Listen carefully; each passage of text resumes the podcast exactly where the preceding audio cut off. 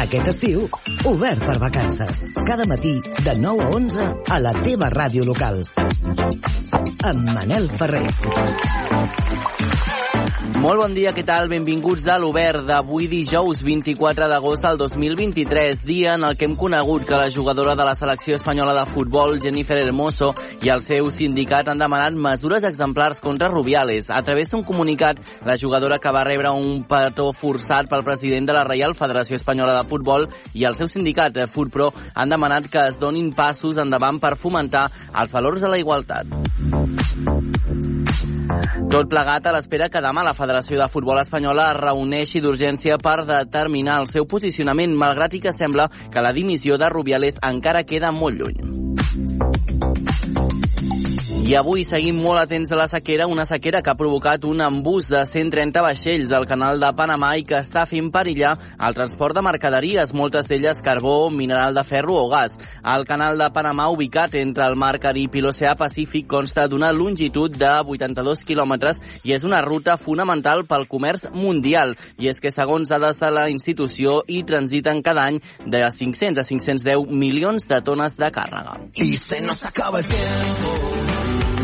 Que no existe ayer y no nos sobra un momento. I molt atents si aquest cap de setmana t'has de desplaçar per dins de Barcelona o les Rodalies. La Volta Ciclista d'Espanya, que aquest any surt des de Barcelona, comportarà importants talls i afectacions a la capital catalana dissabte a la tarda, on el trànsit estarà restringit des de les 5 de la matinada en diversos punts de la ciutat. Diumenge també es tancarà l'entrada per la Gran Via de l'Hospitalet i l'accés a la muntanya de Montjuïc, on acabarà aquesta segona etapa. I en el programa d'avui descobrirem si amb el fi de l'estiu hi ha més separacions de parelles. Ho parlarem amb la psicòloga Laura Villares. Entrevistarem el cantautor Rodrigo Cuevas, que el dia 30 d'agost actuarà a Tarragona i anirem fins al Museu Arxiu Tomàs Balbeny a Cardedeu. I ben atents perquè continuem encara cercant la nostra cançó de l'estiu. Quina és per tu la cançó de l'estiu? Digue'ns-ho amb una nota de veu al 628 841 055 i podràs guanyar 60 euros per gastar al bon preu esclat.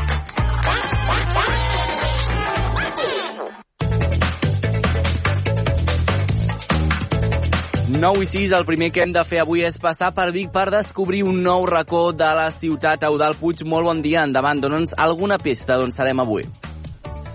Molt bon dia, Manel, i molt bon dia també a tothom. Mira, et dono algunes pistes. Mm. Um, avui anirem a visitar un lloc que cada dia en queden menys i, de fet, forma part d'un club molt selecte de comerços singulars i que arriben, mm. en certa manera, a teixir uh, el caràcter d'una ciutat. A banda d'aquestes pistes us dic que serem a prop de la plaça, en un comerç singular i que té molts i molts anys. Molt bé, un uh, comerç de singular que cada cop en queden menys, per tant estan en perill d'extinció. De, doncs escolta'm, caldrà esperar uns minutets més tard de les 10 per descobrir on et trobes i amb qui et trobes. Gràcies, Eudal, fins després. Fins després, vagi bé. 9 i 7, seguim endavant.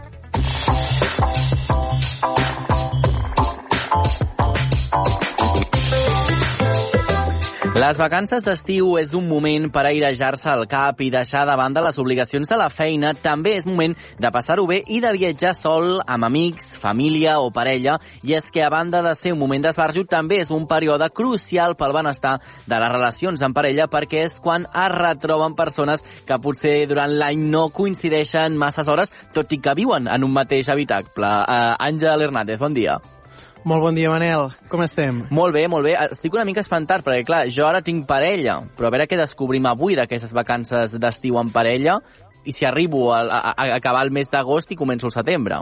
Doncs esperem que amb el consell de la nostra psicòloga, que ja avanço que és una psicòloga, la nostra convidada, mm -hmm. doncs t'ajudin per mantenir sana i Molt estalva doncs, la teva parella. I és que, com molt bé has dit, l'estiu és un moment d'inflexió, ja que segons el Consell General del Poder Judicial, any rere any, el nombre de divorcis és major en el tercer trimestre de l'any, concretament amb un repunt al mes de setembre.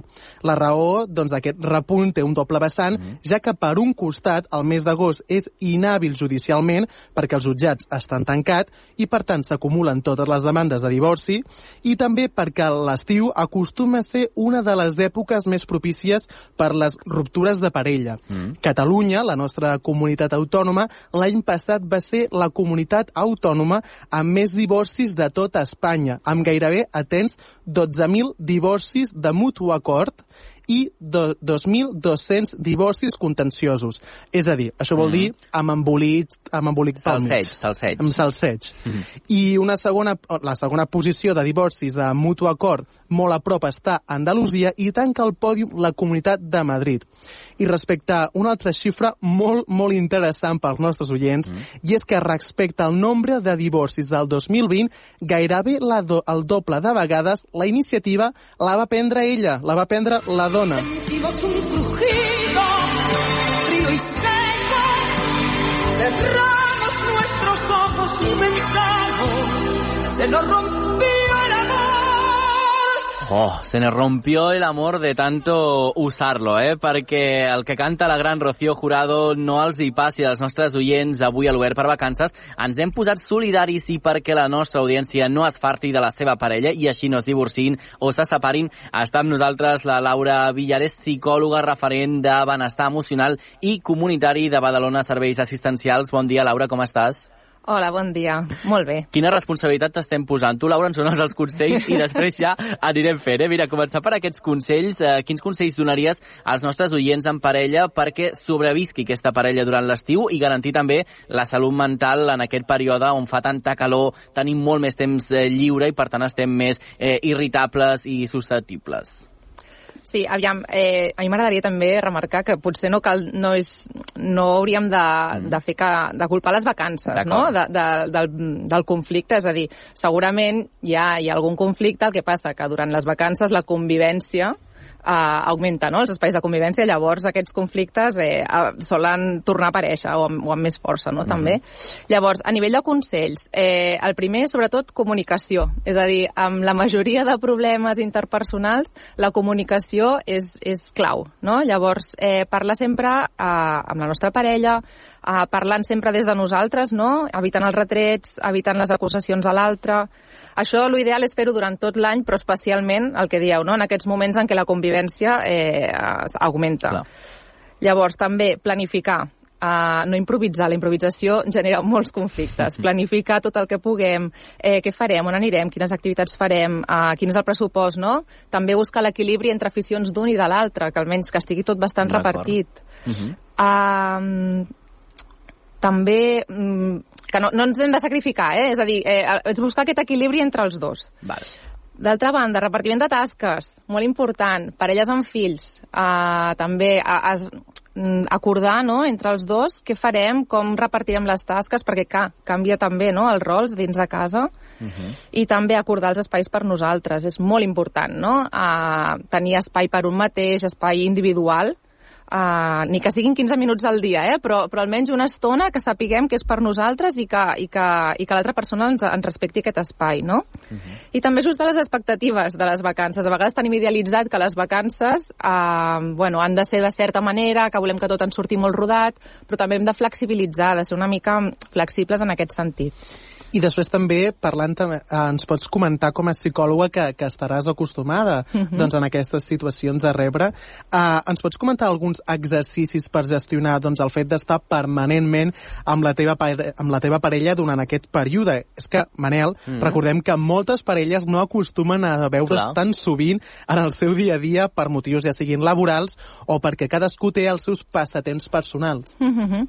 És important que aquests passatemps intentem mantenir-los dins de les possibilitats, no? De, de, clar, evidentment, doncs, potser no podem anar al gimnàs perquè no estem a, a l'espai, o sigui, no estem a la mateixa ciutat, no?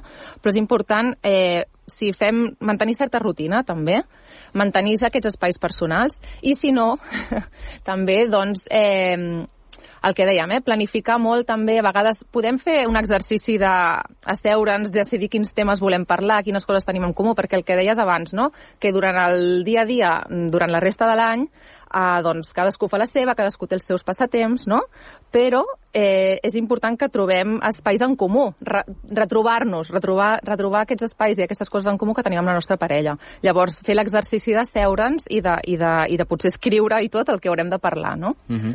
De fet, eh, Laura, no sé si ara quan eh, ja estem en un moment molt avançat de l'estiu, tot i que al setembre hi ha molta gent que encara fa aquestes vacances eh, d'estiu, eh, no sé si el fet de plantejar-nos potser de fer una part de les vacances plegats i uh -huh. una altra part de les vacances eh, cadascú amb els seus amics o marxar sols de, de viatge és també una bona opció per oxigenar una mica aquesta relació de parella pot ser una bona opció. El que passa que sí que és una opció que sempre està intentant acordar, no? Mm. Eh, si la nostra parella mm, al final no acaba accedint o no li sembla una bona proposta, eh, probablement mm, el millor és potser acordar començar fent-ho potser un cap de setmana, no? Vale. que no sigui un viatge molt llarg. I també és important que si, si, és un, que si triem un destí, no? Uh mhm. -huh. eh, que no sigui un destí que la nostra parella tingui moltes ganes d'anar-hi, no? perquè llavors és com, ostres, eh, a mi també m'agradaria anar allà i potser ho podríem fer junts. No? Llavors buscar, doncs, inclús el que dèiem, els propis interessos, doncs nutrir-los amb aquest viatge. No? Cap de setmana al Albacete, per exemple. Per exemple, bueno, no, però pot ser, jo que sé, potser a mi m'agrada viatjar més de tipus mochilero, no? I a la meva mm. parella li agrada més viatjar de ciutat urbanita, visitar museus, doncs potser mm, aprofitem aquests viatges per fer aquestes coses més diferents. Escolta, Manel, a tu què et passa amb Albacete? No, no, ara ho estava pensant, dic, m'estic buscant ah, com molts enemics, però era per posar un exemple, és a dir, estava referint-me a un destí, doncs, eh, per poder descansar i desconnectar, res a dir, res a dir d'Albacete. Doncs des d'aquí saludem els nostres oients sí. d'Albacete, que us estimem igual, eh? Exacte. Uh, també, Laura, quins són els símptomes que denoten doncs, que alguna cosa ja no ha començat a anar bé i que, per tant, s'ha de recórrer doncs, a un especialista com tu uh -huh. si és que la situació és abrumadora i no es pot tolerar per si mateix? També jo he llegit, a banda d'aquesta pregunta, he llegit uh -huh. que, no sé si és veritat, eh, allò que diuen de la crisi dels 7 anys, no sé si és més veritat o un mite. Aviam, um, no, no parlem d'anys, potser, ni de durades de les relacions de parella, sinó eh, ens hauríem de fixar més en la qualitat d'aquesta relació. No? El que passa que sí que és cert que als 7 anys eh, ha donat temps perquè passin moltes coses en la relació de parella. Llavors, bueno, sí que potser els 7 anys és, és un número que ja podrien passar aquestes coses de, de conflictes, no? El, el que és important és també eh, adonar-nos si estem més irritables amb la nostra parella, no? si, si estem sempre pendents de les coses que fa malament, no? Llavors, eh, aquí potser podríem notar que hi ha alguna cosa que hem de parlar, no? I sobretot asseure'ns, el que dèiem, la comunicació. La comunicació és el més important. Doncs això és importantíssim, aquesta comunicació eh, doncs, en tots els moments. Al final també organitzar-ho tot molt, Laura, perquè ens deies contra més tinguem planificades aquestes eh, vacances, on anirem, amb qui anirem, quants dies anirem, què farem, doncs això també ens evitarà molts problemes, però estic pensant que a vegades eh, són situacions mm, molt més eh, quotidianes o habituals, no? Per exemple, què dinarem o què hem de fer per dinar, no? Això també pot acabar generant al final un conflicte. I tant, eh, per això deia de la importància de repartir les tasques, no? Uh -huh. eh, qui s'encarregarà de què, qui... la càrrega mental també, Clar. això és una part molt important i que normalment encara tendeix a assumir la dona, uh -huh. eh, doncs repartir-ho molt bé i decidir, doncs si jo m'encarrego del dinar, jo m'encarrego de tot el dinar, és a dir, m'encarrego de les compres, m'encarrego de pensar eh, què faré, no? I tots els menús, Llavors, mm. és important que la repartició de tasques també estigui bastant... Bueno, jo diria que és encara potser més important que la planificació del que farem. La repartició de tasques Clar, és molt important. Perquè ara estem pensant que durant l'any a casa nostra, on eh, convivim amb la nostra parella, sí que potser tenim repartit més les tasques que fa cadascú o quan fa cadascú aquesta tasca, però clar, marxem de vacances i donem per fer que estem per vacances, però allà també hi ha tasques que s'han de repartir i que per tant s'han de fer, no? Exacte.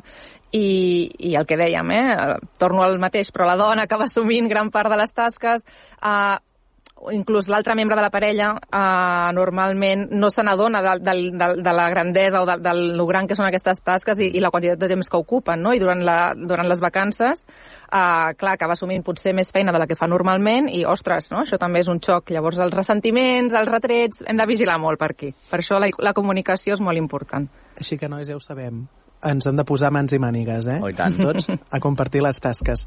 I després també, Laura, ara que ja queden pocs dies perquè acabi agost i ja ens fiquem de ple al setembre, en un tres dir no és res, ja ens plantem ara al setembre amb la tornada escolar, amb la tornada laboral. Sí.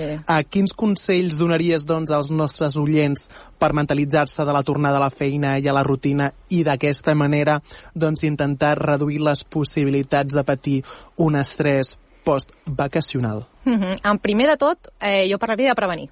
És a dir, abans d'arribar a la tornada a la feina, uh, aquests últims dies potser és important de tornar a establir rutines, no?, d'horaris. Uh, no vull dir que que, que, que haguem de fer un horari com el, igual que la feina, no? de llevar-nos a les 7 del matí, però sí que intentar acostar-nos una miqueta a establir aquesta rutina de nou. Uh -huh. D'altra banda, uh, quan ja entrem a la feina, el dia que entrem, Uh, potser vigilar també amb no carregar-nos massa de feina. És a dir, eh, venim segurament d'un període en el que se'ns han acumulat tasques doncs ens organitzem, no? eh, fem llistats de les, de les tasques que hem de fer. Sobretot també és molt important detallar-les, és a dir, que, que a vegades és més senzill abordar una tasca petita que abordar-ne una de molt gran. Llavors, si jo la subdivideixo en subtasques, em serà més fàcil fer aquest check no? i, i anar, anar, anar tatxant els elements de la llista. També ens pot ajudar a, fer períodes de, de break dins del, de la feina, no? De, de respiració, de relaxació, 5 minutets, no?, per connectar un moment, relaxar-me. Després és molt important, rutina saludable. Eh, dormir 8 hores, descansar, menjar bé. Menjar bé vol dir no només equilibrat, sinó menjar en horaris, quan toca, no? Això també és molt important activitats fora de la feina, que no sigui només la feina. O sigui, si, si jo surto per la porta de la feina o tanco l'ordinador si teletreballo o el que sigui, uh, ja, ja he deixat la feina, no? I llavors centrar-me en les tasques que vaig a fer doncs d'oci o de socialitzar o les tasques de casa, però la feina ja la deixo de banda. I llavors també, si, si si veiem que amb això no n'hi ha prou, no? que veiem que potser, eh, portem ja bastants mesos, jo diria un parell de mesos, tres, que veiem que eh, es repercuteix, tot això té un impacte a nivell d'insomni, ens, ens sentim desgastats, cansats, que veiem que no trobem la manera de sortir d'aquí, llavors sí que potser hauríem de consultar algun especialista, però eh, pensem que és un, un procés molt normal. És un procés adaptatiu, és un procés normal i que la majoria de, de, de persones vivim. Després també hi ha una altra cosa, Manel, que tu mm -hmm. saps que jo sempre aprofito aprofita, molt quan tenim aprofita. els nostres entrevistats per aclarir els meus dubtes mm -hmm. personals. I és que li vull preguntar a la Laura, doncs ara, la, tenim la mentalitat que tenim actualment doncs, els joves, ara que som més liberals, doncs ja no, no, no en tenim les relacions tan tradicionals com abans, uh, és que hi ha alguna, alguna fórmula secreta de, de la relació perfecta, de l'amor eh, etern? Perquè moltes vegades eh, escoltem a senyors i senyores grans que ens diuen portem 50 anys junts, 60, com s'ho fan tot això plegat per, per aguantar tant de temps que potser comencen tenint 16, 15, 14 anys i tenen 90 i encara estan junts? Bueno, aquí hi ha bastants components també, eh? perquè sí que és cert que ara som més, els més joves eh, és més difícil que aguantin relacions tan llargues, no? però també eh, abans hi havia una mentalitat de que és el que t'ha tocat, la família és el que t'ha tocat i la parella forma part d'aquesta família i per tant eh, hi, havia la, hi ha la mentalitat amb la gent gran sobretot d'aguantar la, la relació. Uh mhm. -huh. Llavors això tampoc és sa, eh? vull dir, eh, també mm, perquè l'amor romàntic, ara que has introduït això de la parella perfecta, eterna, eh, això va molt lligat també amb l'amor romàntic, no? Exacte, amb, la, amb el, amb el final mm-hmm. feliç, mm -hmm. perquè, vull dir, les el relacions... El fet de ser màrtirs, no? De, de clar, dir, no, no, és que clar, sí. és, la meva, és el meu home, és la meva dona, i ja ens vam mm -hmm. conèixer així, no? I fins que ens morim haurà de ser de, de ser d'aquesta manera, no? I jo he d'aguantar, no? Vull dir, mm -hmm. fins a quin punt el que passa que sí que és cert que hi ha parelles molt felices i, mm. i que, i que s'han coordinat molt bé, doncs segurament el secret, el que dèiem altra vegada, eh, la comunicació. O sigui, en totes les relacions interpersonals, i la parella ho és, eh, la comunicació és essencial. Doncs... Parlar sempre de les necessitats, de com et sents, perdona, eh? Sí, sí. Eh, és, és, és molt important perquè l'altra persona pugui respondre, respondre en funció d'això. Doncs importantíssim tots aquests eh, consells. Àngel, eh, pren nota, si plau, de tots aquests apunts per quan et posis a trobar una parella en sèrio, de debò, de veritat, et serveixin. Et sembla? que sí. Jo sempre, jo sempre aquí, sí. si els nostres ullents em poden veure, sempre estic prenent notes. Molt bé, importantíssim. Laura Villares, psicòloga referent de benestar emocional i comunitari de Badalona Serveis Assistencials, gràcies per estar avui amb nosaltres també parlant de les parelles i dels períodes d'estiu. Moltes gràcies. Que vagi molt bé. Fins la propera. Gràcies, Àngel. Adéu, Manel. Fins la propera.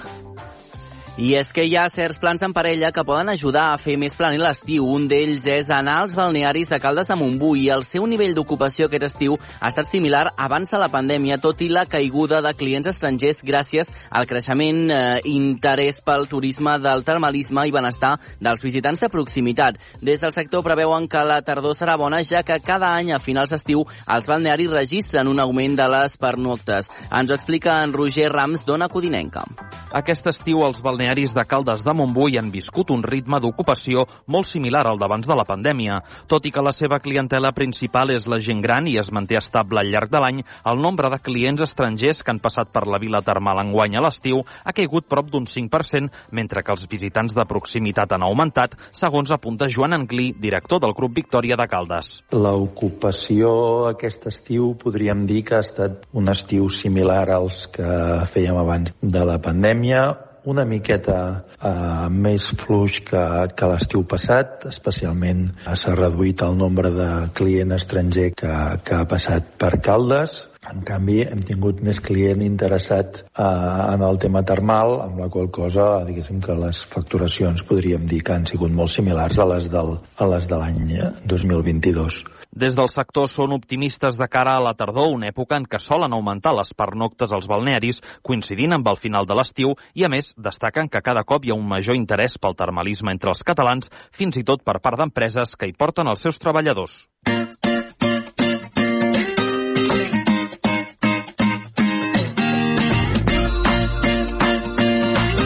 El nostre proper convidat es defineix a si mateix amb dues paraules. Agitador folclòric. Paraules que es queden curtes per explicar com Rodrigo Cuevas barreja folklore amb la modernitat, tradició, amb vanguarda. Els seus espectacles són visualment impactants i molt provocadors. La seva música és un recull de cançons d'arrel tradicional asturiana remesclades amb ritmes molt actuals. Tot plegat desperta en el públic una sensibilitat atavica, podríem dir. Aquest estiu Rodrigo Cuevas està de gira amb la seva darrera producció, La Romeria, i entre Bèlgica, Portugal, França, Vigo, Bilbao, farà parada mediterrània. Rodrigo Cuevas visitarà Tarragona el proper 30 d'agost per inaugurar un dels esdeveniments culturals més captivadors que celebren a la ciutat, el Festival Internacional de Teatre Tarragona, el FIT, i ens fa molta il·lusió poder parlar amb ell. Rodrigo Cuevas, buenos días.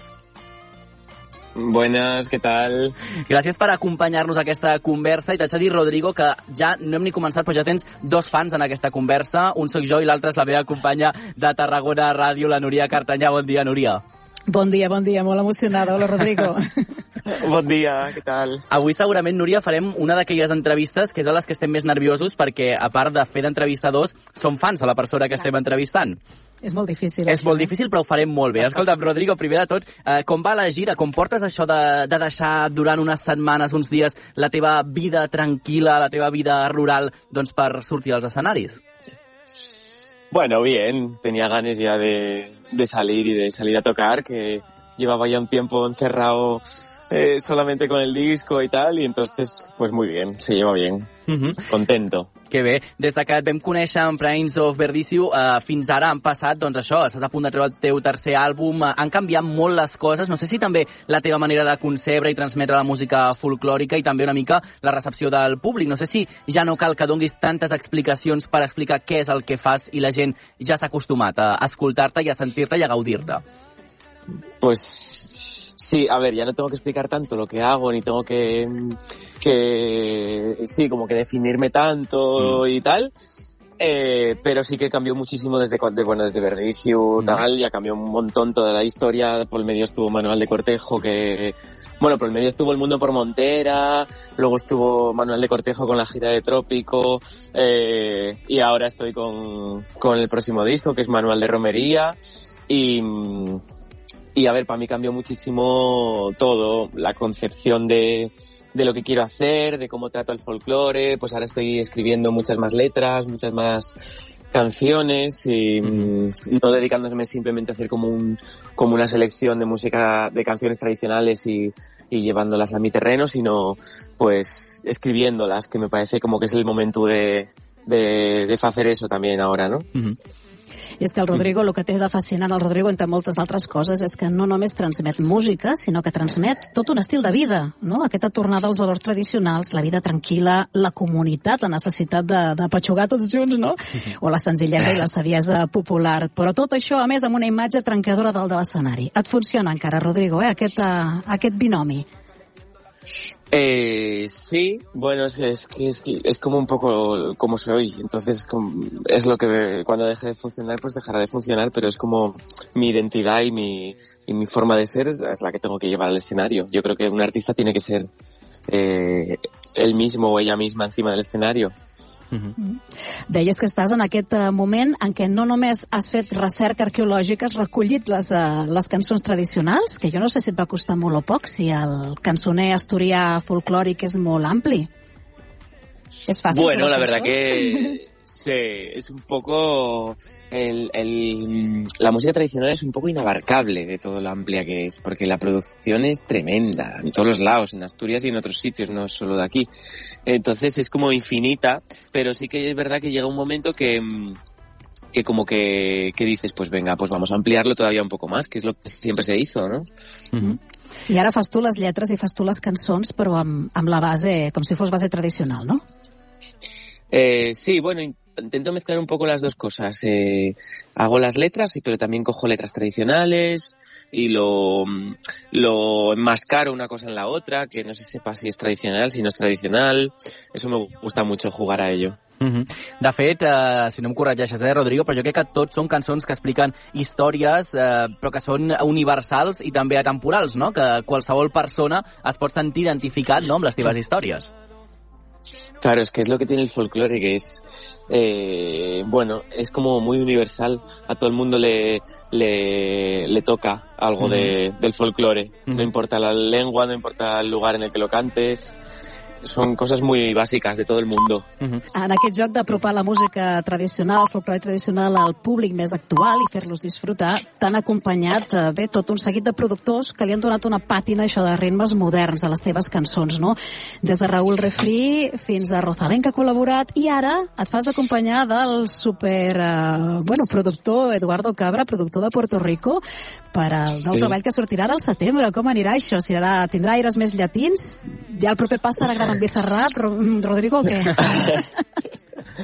bueno, ya se ve un poco en, el, en las tres canciones que saqué, eh, en Casares, bueno, como ya es un poco más una, un poco más especial, no es igual, no, es igual una de las más raras del disco, pero en Casares y en Más Animal se ve un poco por dónde va, por dónde van a ir los tiros. Uh -huh.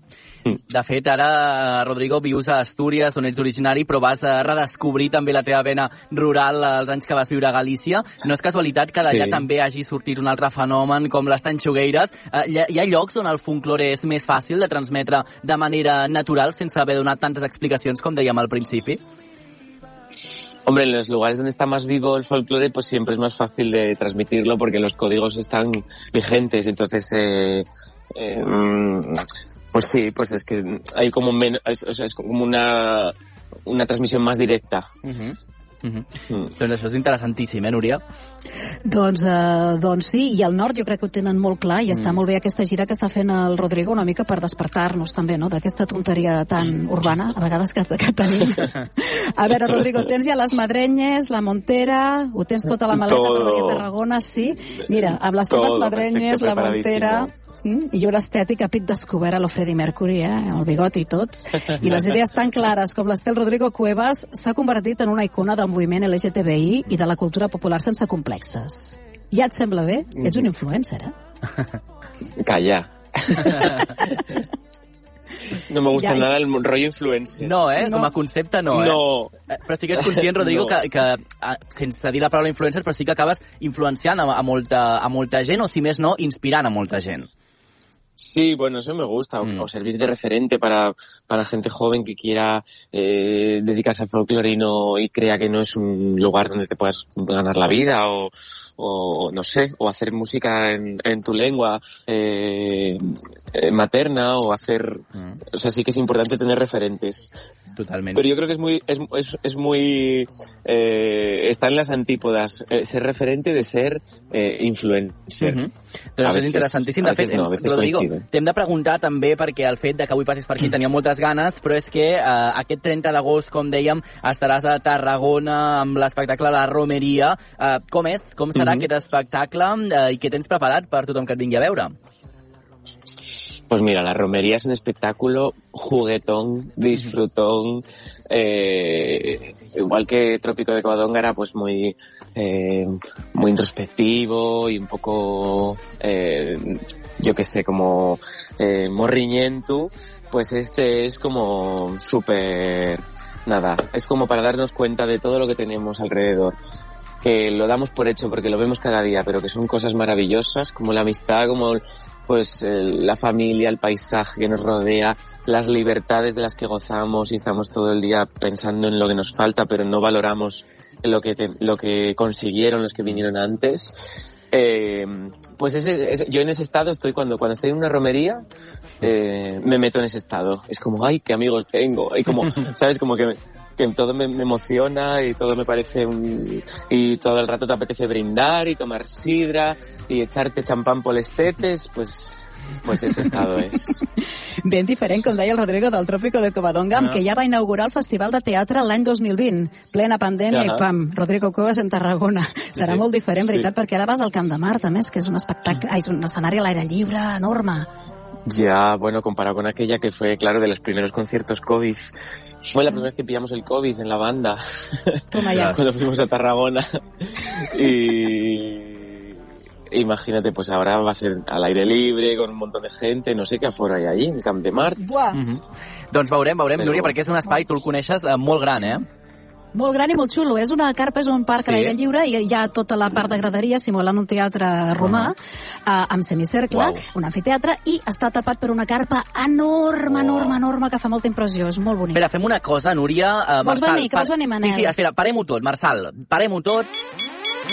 Ja està, uh? m'he vingut molt amunt, perquè amb aquesta conversa amb el Rodrigo Cuevas, jo, la Núria explicant-nos la situació, on serà aquest concert, el Rodrigo explicant com serà aquest concert, i és que a mi no em surt res més, potser els jefes em renyaran, que regalar, atenció Núria, dues entrades dobles Toma ja. per les dues eh, primeres persones que ens enviïn un missatge de WhatsApp en directe uh. a l'Obert per Vacances, que és el 628 841 055 628 841 055 en aquest missatge només ens han de dir, Núria, amb una nota de veu el seu nom, des d'on ens envien aquest missatge i quina és la cançó preferida del Rodrigo Cuevas, la que més els agrada o la que més els transmet. I les dues primeres persones que ens enviïn aquest WhatsApp van a veure aquest concertàs, aquesta posada a punt del Rodrigo Cuevas a Tarragona. ¿Qué te parece, Rodrigo, el regalo y lo generoso que soy pues con mis maravilla. Claro.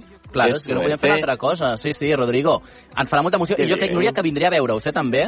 Espero que sí. Mira, 30 d'agost, per si a algú no li ha quedat clar, ha de revisar agenda. 30 d'agost, sí? que això és dimecres vinent, a les 8.30, a les 20.30, 8.30 del vespre, al Camp de Mar podeu sopar a Tarragona, us quedeu a dormir. Perfecte. És genial. Escolta'm, Rodrigo, per, per també anar fent més dentetes també a, a la gent que ens estigui eh, escoltant, explica'ns una mica també quins eh, instruments tens pensat eh, tocar al concert i no sé si ens pots avançar alguna cosa de com serà aquesta escenografia o el vestuari eh, que podrem veure a Tarragona. Bueno, tengo un escenario, una escenografía y un vestuario verbenerísimo. Ah. O sea, soy yo que parezco un, un, un miembro del cuerpo de baile de Rafaela Carrà. No, Eh? Ojalà Rafaela Carrà levantara la Ojalà. i viera estos trajes que llevo. Mm -hmm. Escolta, uh, Rodrigo, gairebé per, per acabar et volia també preguntar, tinc molta curiositat perquè estic seguint també a xarxes socials uh, doncs l'evolució de la Benèfica de Pilonya, que és el teu projecte, gran projecte uh, cultural. Uh, com està anant el projecte? En quin punt es troba ara mateix? Pues ahora ya eh, inauguramos, digamos, en mm -hmm. mayo, eh, la primera fase que era el tejado y el escenario Sí. y así, alguna cocina. Y ahora, bueno, pues tenemos alguna programación un poco adaptándonos a los medios que tenemos, que son un poco precarios, Mm. e intentando ahorrar y hacer también un poco de dinero con, para seguir con la obra. Ahora tuvimos una, una exposición de, de obra plástica que nos donaron un montón Sí. de artistas para, para vender y recaudar fondos para la benéfica. Eh, tenemos este, mañana tenemos una proyección de un documental sobre el resturiano con maestros del resturiano allí. Eh, luego tenemos, este fin de tenemos un festival que organiza una gente de aquí del pueblo y lo hacen allí dentro de la benéfica. Luego en septiembre tenemos las jornadas del violín, que es el violín tradicional, eh, también en la Benéfica. Y luego tenemos un festival de folclore de calle que vamos a poner a un montón de gente de, de toda España tocando por todos los lados en, en, en el pueblo. Y bueno, así, un montón de... Doncs no ens ho parlem i a part de totes aquestes eh, propostes, també, com dèiem, la romeria, que està també fent girar el Rodrigo arreu del territori, arreu del món, podríem dir gairebé, i avui també doncs, hem tingut l'oportunitat de poder parlar amb ell a l'Obert per vacances. Rodrigo, muchas gracias por acompañarnos este ratito de ràdio. Gracias a vosotros. I Núria, moltes gràcies també a tu per aquesta estona de conversa. Una abraçada, nois. Deixeu-me recordar una vegada més eh, que si voleu eh, anar a veure aquesta posada a punt del Rodrigo Cuevas ens heu d'enviar un missatge de WhatsApp al 628 841 055 628 841 055 dient el vostre nom, des d'on ens escriviu i també, eh, o des que ens envieu aquesta nota d'àudio i també quina és la vostra cançó preferida del Rodrigo Cuevas. Rodrigo, muchas gracias y hasta el día 30 en Tarragona. Moltes gràcies a Moltes vosaltres. gràcies. Fins la propera. Adéu. Un petó. Un petó. a la fuente voy por agua y a la.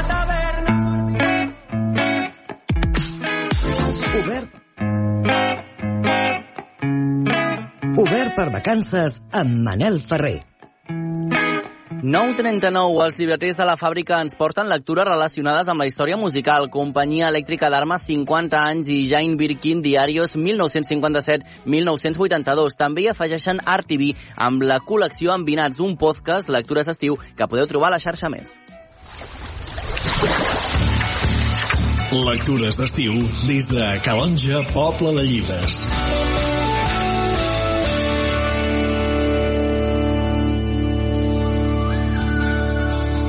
Al desembre de l'any 2021 naixia la primera Booktown de Catalunya, Calonja, Poble de Llibres.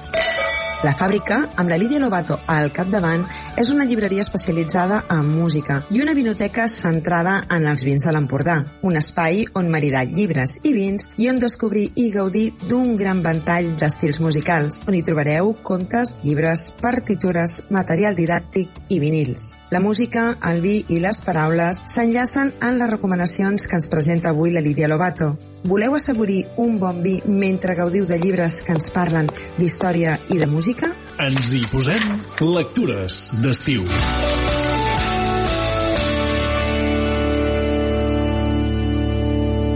És un llibre que va sortir més o menys per Sant Jordi, quan la companyia elèctrica d'Arma va celebrar un concert 22 i 23 d'abril.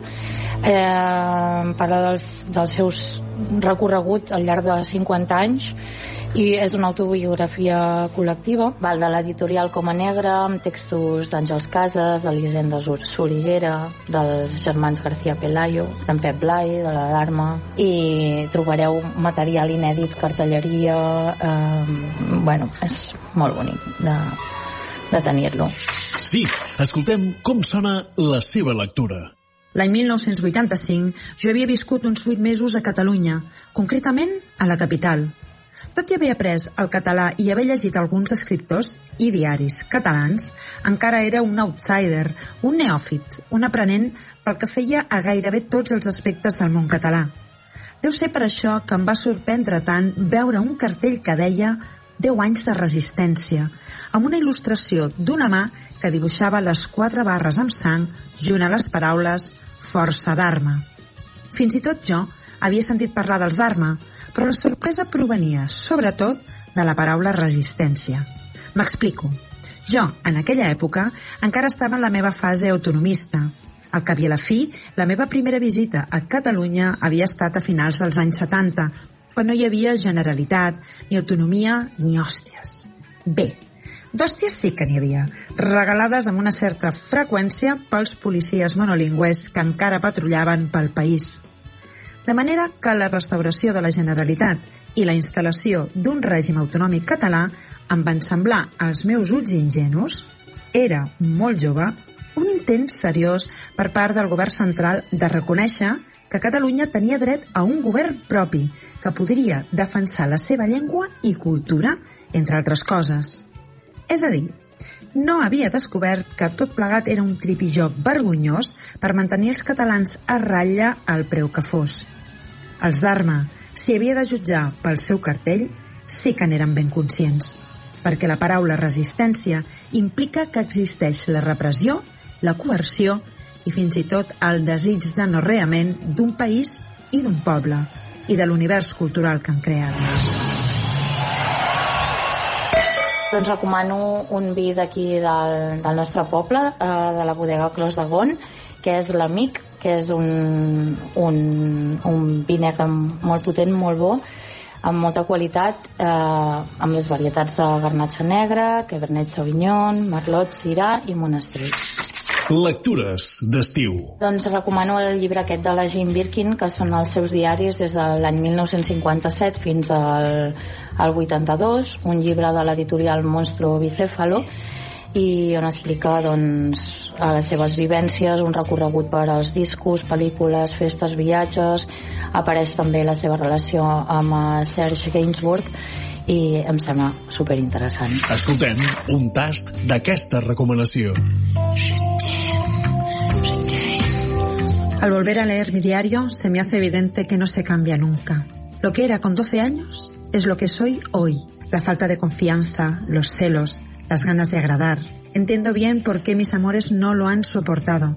Es posible que el lector se sorprenda tanto como yo de que hable tan poco de mi trabajo, de que apenas mencione mis películas, mis obras de teatro, ni tan siquiera mis canciones. De los muertos no hablo hasta meses después y las alegrías intensas necesito vivirlas. Solo reconoces la felicidad cuando ya ha pasado el tiempo. Un diario es por fuerza injusto. Pone todas las cartas boca arriba y muestra todo aquello por lo que uno se lamenta. Hay versiones de todo, pero aquí está solo la mía. Doncs a la fàbrica també podreu trobar la col·lecció dels envinats de l'editorial Bebop. Eh, hi trobarem títols com Vinyoli trasbassa la bellesa com el vi, Confessió de Goliat, Vi benzina o les arts xineses de la varietat. Llegim com sona la seva lectura. Cridat per una vocació irrefrenable, Joan Vinyoli es va embarcar en un viatge sense retorn, en una aventura marcada pel seu compromís amb la poesia que va convertir en la raó i l'estímul de la seva vida i en una eina per intentar arribar a les pregoneses de l'existència i respondre les preguntes que tota hora l'inquietaven i el perseguien. Va ser, en aquest sentit, un poeta pur, insubornable i tenaç, el seu primer vers líric, segons va confirmar ell mateix, va esdevenir una divisa a la qual va ser fidel tota la vida. I must do something of my poverty. He de fer alguna cosa de la meva indigència. És a dir, Vinyoli volia transformar la seva pobresa, la seva buidor espiritual i moral, la seva ignorància, en riquesa, en coneixement i en plenitud. I no va trobar altra manera de fer-ho sinó a través de la poesia, el seu motor i el seu aliment, del qual mai no va sentir-se prou saciat. Així, va conrear una poesia vitalista, extàtica i dionisíaca que cantava els petits o grans plaers de la vida, el paisatge i la natura, l'amistat i el sexe, la bellesa i la joia, el vi i els seus efectes, sense oblidar, però, que la vida era sovint terrible. Companyia Elèctrica d'Armes, 50 anys, publicada per Coma Negra, l'amic de la bodega Clos de Gon, un llibre per recordar-nos a la traspassada recentment Jane Birkin, Diarios 1957-1982, publicada per Monstro Bicéfalo Editorial, i la col·lecció Envinats de l'editorial Bebop, amb títols com Vinyoli trasbalsa la bellesa com el vi, de Miquel Martín Serra, o Les arts xineses de la varietat, de Manel Uller, han estat les recomanacions de la Lídia Lobato de la fàbrica. Propera parada, la Libalista. Us hi esperem. Lectures d'estiu des de Calonja, Poble de Llibres.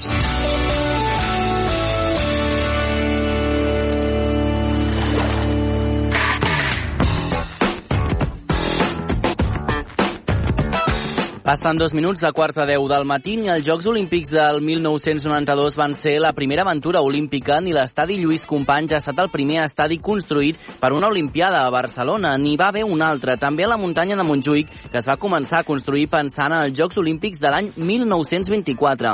Aquells Jocs no van venir a Barcelona i el que sí va venir va ser la, la dictadura militar de Primo de Rivera que va deixar sense acabar de construir aquell primer estadi de Montjuïc, l'estadi català. Ens ho explica en un nou episodi episodi del podcast Històries de Barcelona el nostre company David Martínez, un podcast que podeu trobar ja a la xarxa més.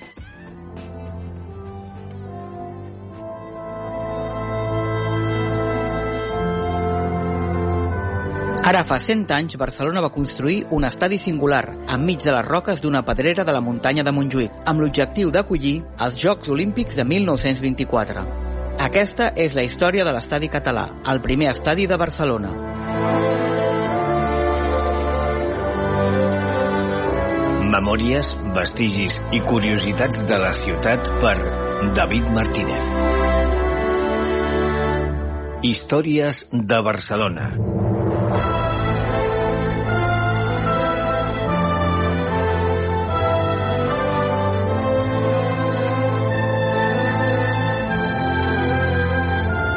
Des de principis del segle XX, l'afició a l'esport havia anat creixent a Barcelona, però la ciutat no tenia un estadi per fer competicions d'atletisme. De fet, la majoria de recintes esportius que existien eren poc més que descampats o estructures provisionals, que a més tenien una vida molt curta pel continu creixement de l'Eixample.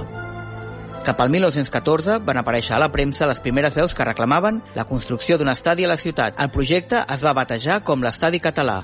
Els seus principals promotors eren dos periodistes, Josep Elias i Juncosa i Narcís Masferrer.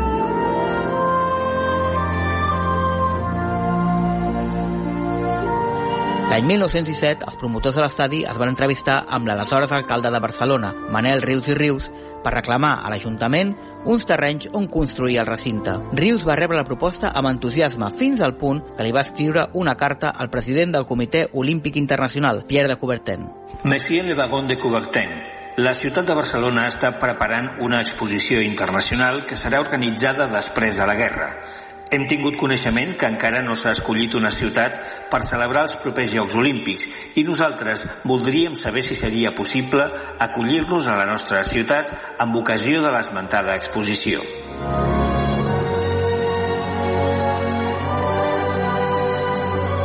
Com hem escoltat, Barcelona es plantejava acollir uns Jocs Olímpics un cop acabada la Primera Guerra Mundial. La cita es volia fer coincidir amb l'organització d'una exposició internacional. L'agost de 1920, mentre celebraven els Jocs Olímpics d'Anvers, una delegació del Comitè Olímpic Català, amb el suport de la Mancomunitat de Catalunya, va viatjar fins a Bèlgica, on es va entrevistar amb el baró de Coubertin per presentar-li la candidatura de Barcelona a les Olimpíades de 1924. La perspectiva d'una candidatura olímpica feia encara més necessària la construcció d'un estadi. Es va decidir que s'ubicaria al mateix recinte que la futura exposició, és a dir, a la muntanya de Montjuïc. El lloc escollit va ser el sot d'una antiga pedrera que havia estat propietat de la família Fuixart i que era coneguda per això com la Fuixarda. Les obres van començar al mes de setembre de 1920. El projecte va ser encarregat a l'arquitecte Jaume Mestres, que va dissenyar el que havia de ser un dels estadis més grans d'Europa, amb capacitat per a 35.000 espectadors. El recinte s'adaptava a l'antiga pedrera, fins al punt que conservava un dels murs sense construir. Així explicava el mateix arquitecte Jaume Mestres el seu projecte. L'estadi s'adapta al talús de l'antiga pedrera, tot recordant els estadis oberts dels antics grecs. Un arc de triomf donarà accés als atletes a la pista. Es completa el projecte amb el pavelló d'entrada principal, que amb la seva escala d'honor condueix a la gran tribuna coberta on estaran emplaçats la presidència i llotges preferents. Esperem poder inaugurar el 1922 el nostre gran temple esportiu per instaurar les Olimpíades catalanes. L'estadi català, encara inacabat, es va inaugurar el dia de Nadal de 1921 amb un partit de futbol amistós entre el Barça i l'Esparta de Praga, que aleshores era considerat un dels millors equips d'Europa. De fet, els txecs van guanyar per dos gols a tres. Unes 30.000 persones van assistir al partit. Mai abans un esdeveniment esportiu havia reunit tanta gent a Catalunya. Com que les graderies encara no s'havien acabat, molts espectadors van veure el partit asseguts a la pista d'atletisme o enfilats a les roques de l'antiga pedrera, tal i com explicava el diari La Vanguardia. Desde las 9 de la mañana, autos, motos, sidecars, camiones, tranvías y coches movidos por fuerza animal transportaban a millares de gente, ávida de asistir a la inauguración del estadio. Al entrar en el amplísimo anfiteatro nos quedamos atónitos. No quedaba un solo hueco disponible. Hasta en los peñascos se instaló la gente.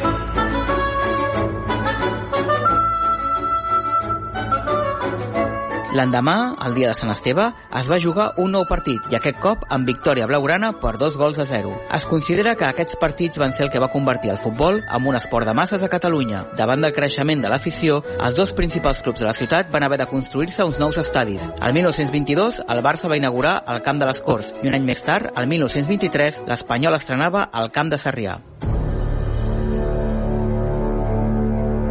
Finalment, Barcelona es va quedar sense Olimpiades, perquè el Comitè Olímpic li va concedir els Jocs de 1924 a París, la ciutat natal de Coubertin. Tot i això, les obres de l'estadi català van seguir endavant. L'objectiu era acabar-les de cara a l'exposició internacional. Durant els mesos següents, i mentre continuaven els treballs de construcció, a l'estadi s'hi van celebrar diversos esdeveniments esportius, des de campionats d'atletisme a partits de futbol o fins i tot partits de bàsquet però les obres es van interrompre coincidint amb l'arribada al poder de Primo de Rivera. Cap a finals de 1923, el diari Jornada Deportiva denunciava la degradació de l'estadi. El estadio de Montjuic es hoy día una vergüenza para Cataluña. Aquello ni es un estadio ni es nada. No solo continúa sin terminar, sino que el abandono comienza ya a destruir la obra hecha. Las graderías no existen, la hierba y las espigas lo cubren todo. El terreno de juego, que fue escenario de memorables encuentros, está mucho peor. Ahora solo hace falta que alguien se entretenga en plantar legumbres. De esta manera sería provechoso para algo. Una de les primeres accions de la dictadura de Primo de Rivera va ser organitzar una festa per rebatejar el recinte. L'estadi català passava a dir-se Estadio de Montjuïc, esborrant així qualsevol rastre de catalanitat del seu nom.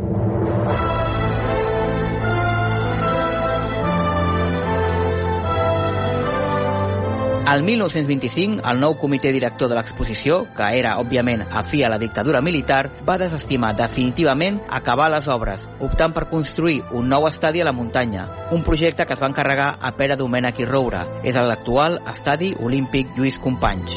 I què va passar amb l'estadi català? Doncs que va ser totalment desmantellat. L'espai es va reconvertir en un parc d'atraccions que va funcionar temporalment durant la celebració de l'exposició internacional de 1929. Després vindrien 25 anys d'abandonament, fins que l'Ajuntament va recuperar l'espai per fer-hi un camp de rugbi de cara a Jocs Mediterranis de 1955. Des d'aleshores, el camp de la Fuixarda ha estat vinculat a aquest esport, el rugbi, però sense recuperar mai el nom original, el de l'estadi català.